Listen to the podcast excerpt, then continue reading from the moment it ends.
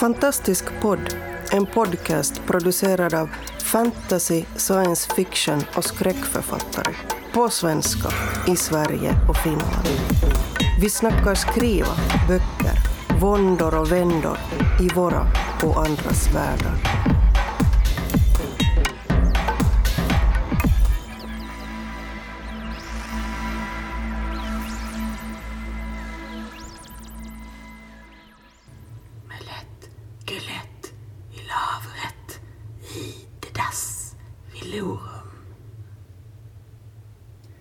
Fredagen den 13 och vi sitter i kryptan under Lunds domkyrka tillsammans med jätten Finn. Jag heter Ingrid Thulin. Charlotte Cederlund. Emma Andersson. Kristina Hård. Och så jätten Finn. Ja, storyn är så att eh, jätten Finn skulle bygga Lunds domkyrka. Hade gjort ett avtal med en munk. Men slått vad att om munken avslöjade Finns namn så skulle han få munkens ögon. Precis när Finn la sista stenen vid bygget så ropade munken hans namn. Finn blev så upprörd så han ville riva kyrkan och gick in, tog tag om en pelare. Men just då krympte han och förvandlades till sten och sedan dess har han stått här. Det finns alltså en pelare här nere i kryptan i Lunds domkyrka där jätten, som jätten Finn omfamnar. Eh, Kyrkan är från 1100-talet och eh, byggdes av stenarbetare som kom från Italien och Ren. Eh, Och då kommer man att tänka på Ken Follett. Har ni läst den? Svärdet och spiran eller Pillars of Earth eller möjligtvis sett serien. Sett serien. Samma här. Mycket bra. Så det är väl lite den stämningen här nere, eller hur? Definitivt. Mycket valv. Mycket valv, Det lär de ju ha varit bra på. mycket historia, mycket berättelse. Mm. Kristendom och religion då, när vi nu osökt befinner oss här. Eh, Har det någon roll i fantastiken? Vad säger du Charlotte? Ja men det har det ju definitivt. Eh, Jag eh, har ju till exempel vävt in just kristendomen, eller kristna kyrkan ska man väl säga i mina böcker. Eh, eftersom de handlar om samisk mytologi. Och eh, eftersom jag rör mig kring 1600-talet bitvis där det ju pågick en kristen mission i Sápmi. Eh, en mission som då gick ut på att Svenska kyrkan ville försöka omvända samerna och få dem att lämna sin egen eh, religion bakom sig och då gå över till den kristna tron. Så att jag har vävt in det i min berättelse och ja, sen har jag ju utökat det lite för att ge mer fantastisk svung åt det hela. Men eh, mycket är ändå verklighetsbaserat som jag har med i i texten. Hur har ni gjort? Ja, jag är ju gammal religionsvetare, vilket alla kanske inte vet. Eh, men, eh, och, och alla som läser min andra bok, eh, Mardrömmar, brukar säga att det märks att jag läste religion när jag skrev den. Jag vet inte riktigt på vilket sätt, men jag har nog vävt in en hel del mer religion än vad jag hade i min första bok. Bland annat så sker det en och annan återuppståndelse och det är mycket möte med gudomliga karaktärer. Så jag tror att, och även en del bibelcitat. Man blir lite påverkad av att plugga med präster. Förstår det. Det där med återuppståndelse är ju faktiskt ganska vanligt i fantastiken. Om man eh, ska prata om det. Eh, Harry Potter till exempel dör och återuppstår på något sätt. För att besegra det onda. Jag tänker att det är, det är vanligt förekommande för att just fantastiken ofta har en eh, så kallad messiasgestalt. Alltså en, en frälsare som ska rädda en värld, en, ja, eller något, något, något liknande. Och då är återuppståndelsen mycket en del i den karaktären. Att, att en messiaskaraktär har, får lite sin styrka på något sätt av att, precis som Jesus, då kunna dö och sen faktiskt komma tillbaka. Men det är säkert lite det här offret. Mm. Alltså man måste offra något för att vinna något. Och man offrar sig själv. Utan de, de vet ju sällan att de kommer återuppstå utan det är ett verkligt offer. Men sen måste de ju komma tillbaka så de verkligen kan göra slut på the bad guy once and for all. Men det är ofta också de kommer från ganska påvra förhållanden de här eh, den utsedde liksom oftast kanske pojke. Brukar det vara i många fantasyberättelser att det är, men eh, förhoppningsvis även många flickor som blir utsedda och, och axlar manteln som hjälten i fantasyromaner. Jag tänker där är ju en förändring som jag hoppas pågår, eller som vi alla vill vara en del av. Att man utmanar de eh, tidigare berättelserna och skriver på ett nytt sätt. Fantastiklitteraturen ehm, den undersöker ju frågor och snarare än att den ger svar på frågor. Den kommer med inga färdiga svar förpackat och så utan det, man kan säga att det är en undersökande litteraturgenre. Um, och uh, jag tror att också, jag menar vi är präglade av det vi har vuxit upp med omkring oss uh, oavsett hur religiösa vi kanske sen anser att vi är. Ja, och jag, i, i, I mina böcker om troll så har jag ju ställts inför kristendomen. Liksom troll och kristendom är ju så hårt knutna till varandra rent historiskt.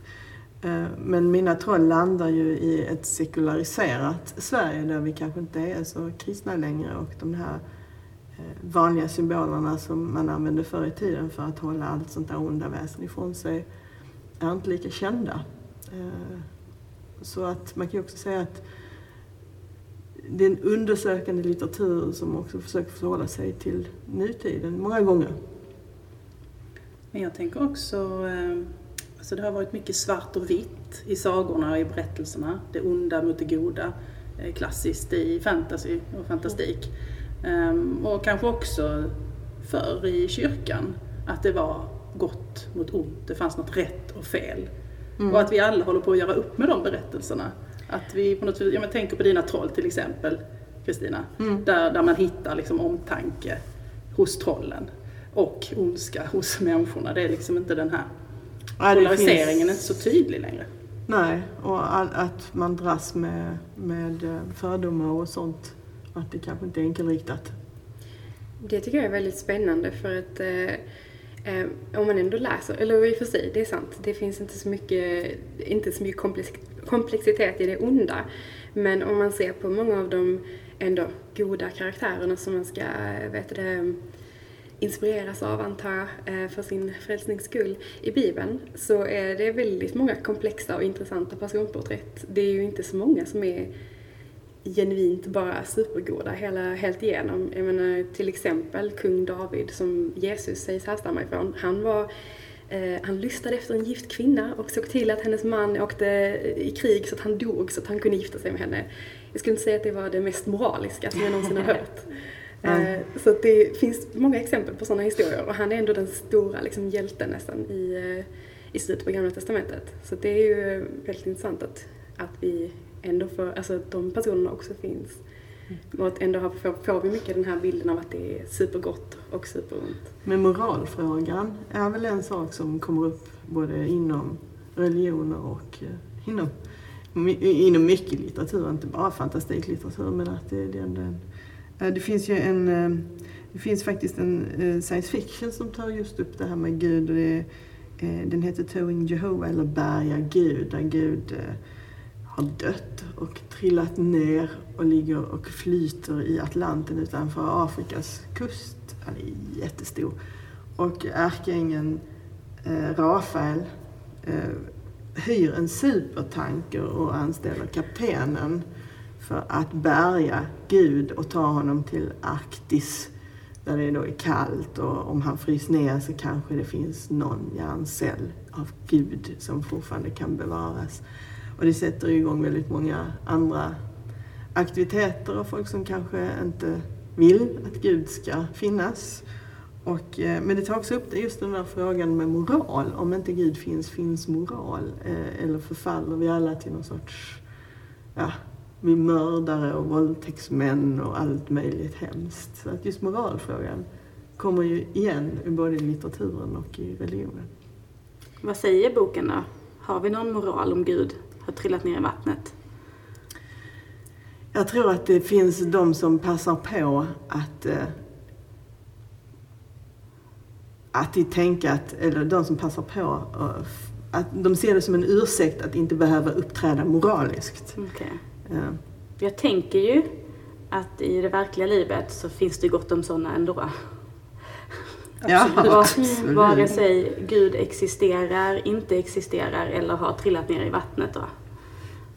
Men det är väl det som är det intressanta med gråskalan och jag är ju inte alls inläst på Bibeln så det är spännande för mig att höra att det faktiskt ser ut så där också. För att det tycker vi väl alla både när vi läser och skriver att svart och vitt är inte spännande. Nej. Det blir inte roligt, det blir så himla stereotypt och man kan inte känna igen sig med någon karaktär för att man, ja, men ingen människa är sån. Utan det är ju gråskalan man vill åt och olika nyanser av det gråa. Så härligt att höra att även kung David befinner sig på den. Ja, nej men det är ju som ni sa innan, och som Kristina sa också, att, eh, att ställa frågorna är kanske viktigast. Jag, jag uppfattar det som att kyrkan också gör det idag, ställer mycket frågor. Eh, istället för att ge några så här glasklara rätt och fel svar, att det handlar om att vara människa på något sätt. Och det, så upplever jag ju fantastiken när den är som bäst. Att den ställer frågor om vårt liv som det är nu. Så vill ju jag skriva. Att jag vill undersöka eh, saker. Jag, nu kommer jag till min käpphäst här igen. Ursula Le Guin som har skrivit den här Left Hand of Darkness, Mörkrets vänstra hand, där det eh, utspelar sig på en planet ju där det inte finns något kön, eller rättare sagt där man eh, en gång i månaden förvandlas till det ena eller det andra könet och det kan vara lite slumpmässigt vilket kön man blir just den månaden. Och hur behandlar man varandra då? Vad, vad, vad händer i ett sådant samhälle där det egentligen inte eh, finns något så att säga svagare eller eh, kön eller så? Men det är ju fantastikens enorma fördel att man kan ju liksom, man kan ju verkligen så plocka ut en liten bit man är intresserad av och man kan plan, alltså placera den på en annan planet eller i en annan värld och verkligen grotta in sig i den istället för när man kanske är för fast i realismen så har man så himla mycket annat man behöver ta hänsyn till. Eh, könsroller, normer, alltså för att det ska kännas realistiskt, för att läsaren ska känna igen sig när man läser. Och det slipper man ju i fantastiken. Det är därför det funkar så bra undersökande. Det är just det där kanske, att våga att släppa just eh, det, alltså för de som ska läsarna. För vissa de känner ju att de vågar inte eller vill inte ta till sig fantastiklitteratur just för att den släpper det som man liksom känner igen sig själv i och att man måste ta, det är ett litet, för många kanske ett skutt att ta som de måste liksom våga och, och de är lite rädda för och sånt där men eh, det har väl också till hela bilden att man måste våga tro på fantastiken och att man kan se det som så för att man söker frågorna. Det är ju andra saker som fantastiken berättar än just om vår eh, verkliga verklighet. Eh, det är ju en inre verklighet många gånger jag tycker den skildrar. Just den här brottningskampen mellan det goda och det onda om man väljer att uttrycka sig så. Eller eh, undersökandet av livet som pågår inom oss själva många gånger. Det tycker jag är spännande. Och sen funderar jag också på den här krocken som finns mellan kyrkan och eh, naturreligioner eller andra uppfattningar som har funnits eh, historiskt tillbaka. Ehm, där det ofta vävs samman berättelserna så som det gör i domkyrkan här med Finn ehm, och trollen och Sápmi och så. Och sen har vi ju nu liksom pratat utifrån ett krist... Liksom, vi sitter i Lunds domkyrka, vi nämner kristendom. Men eh, det, det är ju fantastiken eh, tangerar ju även andra eh, religioner och kulturer som då inte har just Bibeln Absolut. som bas. Eh, och om man bara tittar på Miyazaki's filmer eh, som Spirited Away och Nausicaa and the Valley of the Wind och sånt så handlar det väldigt mycket om just om naturreligion. Men där finns ju även värde och moral. Så att det är egentligen det är stora frågor som, som egentligen sträcker sig över alla, hela mänskligheten. Exakt. Jag tror att det är väldigt, väldigt mänskligt att vilja skriva berättelser om vad det är att vara människa egentligen. Och att Ja. det är det vi alla gör i alla dessa former. Ehm, och jag har ju i mina böcker just den eh, nordiska folktron på, eh, som, som, eh, som du också har Kristina, som flera av er har, ehm, med, med de nordiska väsendena, eh, skogsrået och, och så. Där man just genom att undersöka där de ofta har varit onda eh, i berättelserna. Men genom Fast- att undersöka dem kan man, kan man eh, få reda på något väldigt mänskligt. eh, Och var liksom knuten sitter i oss själva. Men sen kan man i och för sig eh, diskutera om uh, folktroväsendena är onda. Om de Mm. har ondska. Det kan man fråga sig. Om, de är, om, om ondska och synd kom med Exakt. kristendomen Exakt. och innan dess så, så hade man en, liksom en annan syn och inställning hur man på just det här med synd och allting sånt. Ja. Det är svårt att veta. Jag är helt med dig där. Jag, I min bok så har jag ju mer sett det som drifter. Mm. Alltså att det är de mest grundläggande drifterna i oss. Det är sexualiteten, det är hatet, det är den passionerade kärleken, döden och sådana saker som man, som man liksom ger en form för att kunna hantera och ställa frågor till. Man ska ju absolut inte hymla med om att kyrkan gärna förvandlade det till synd. Det gjorde den ju. Eh, Historiskt har den gjort det. Men jag tänker att det kanske är dags att gifta ihop det igen. Ja, jag tänker att det, det är väldigt intressant just det du säger, för jag tänker exakt samma sak. Och jag tror att det, det är nog inte bara egentligen, eller visst kyrkan, kanske framförallt för att den har varit så stor del av våra liv under en så pass lång historisk period. Men jag tror mycket, alltså jag tycker det är så spännande det du säger just att det är mycket det här överflödiga. Att det är, alltså så att det är som när man går ut, utöver mallen, att det är den passionerade kärleken, det är sexualiteten, det är allting som liksom drar lite över det måttliga på något sätt.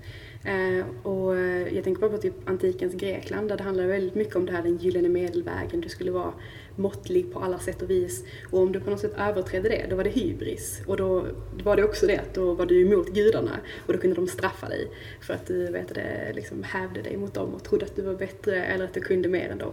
Så det ju, har ju mycket varit alltså det här att, att det återkommer väldigt mycket att vi får inte lov att leva ut för mycket för då blir Ja, vi ja. straffade. Liksom. Man, man kan säga att mycket i fantastiklitteraturen kan ju handla om frihet. Mm. Att man vidgar sig, man, man, man, äh, man blir större liksom, eller karaktärerna. Det, det finns en annan frihet i dem som, medan kyrkan kanske, eller religioner överlag, och som du säger, jag menar till och med grekerna, de gamla grekerna, eh, har ju också handlat mycket om att styra människor. Och allt, jag menar, det var allt vad man fick äta, vilka maträtt man fick äta, vilken veckodag och Mm. allting sånt som det var i, ti, i tidiga Sverige när, när eh, kristendomen kom.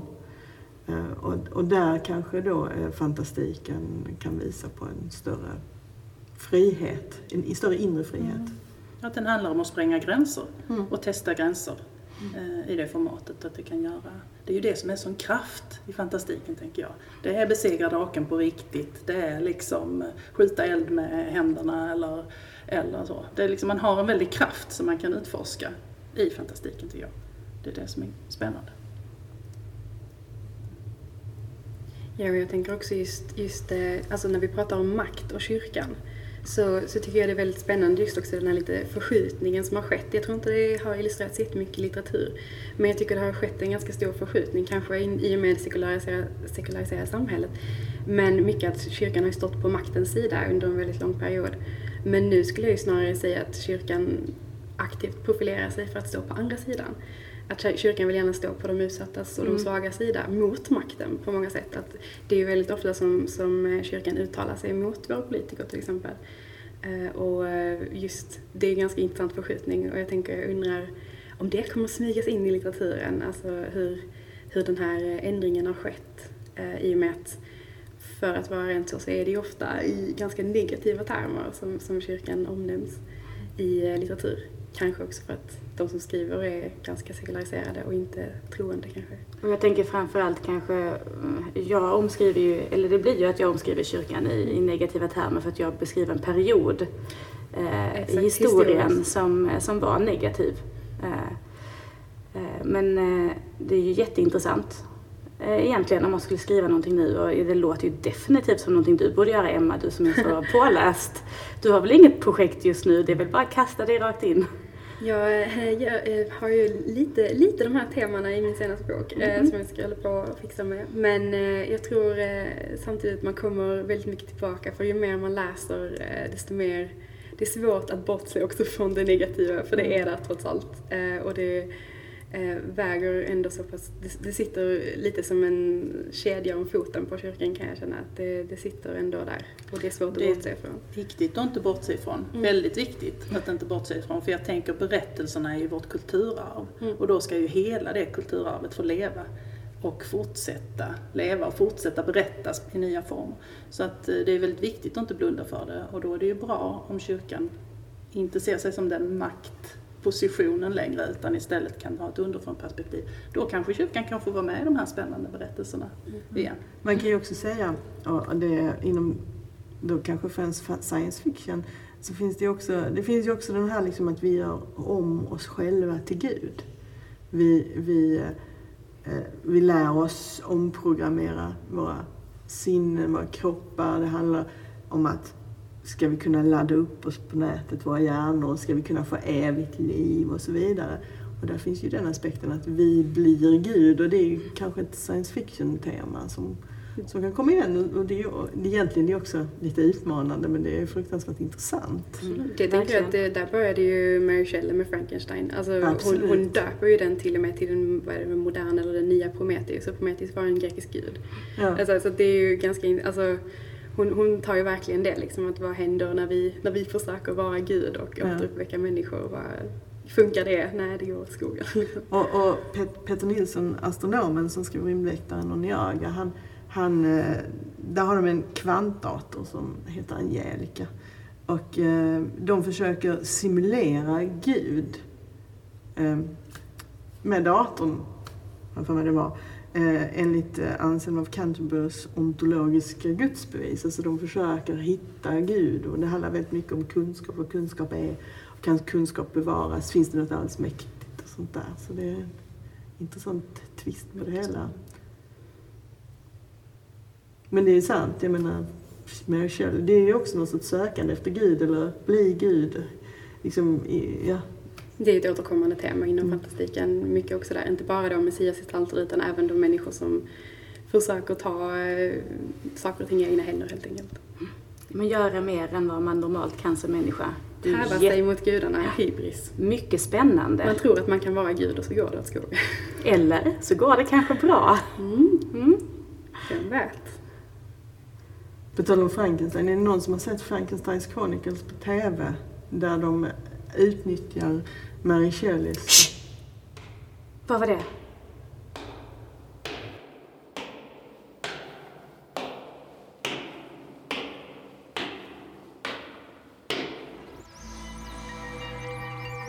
Du har lyssnat på Fantastisk podd. Om du trivdes i vårt fantastiska poddsällskap och vill ha mer så hittar du äldre poddar och information om oss som deltar på vår hemsida under fantastiskpodd.se och på vår Facebook-sida Fantastisk podd. Har du frågor eller förslag på vad du tycker att vi ska tala om, hör gärna av dig antingen på Facebook eller via kommentarer på hemsidan. Vi hörs!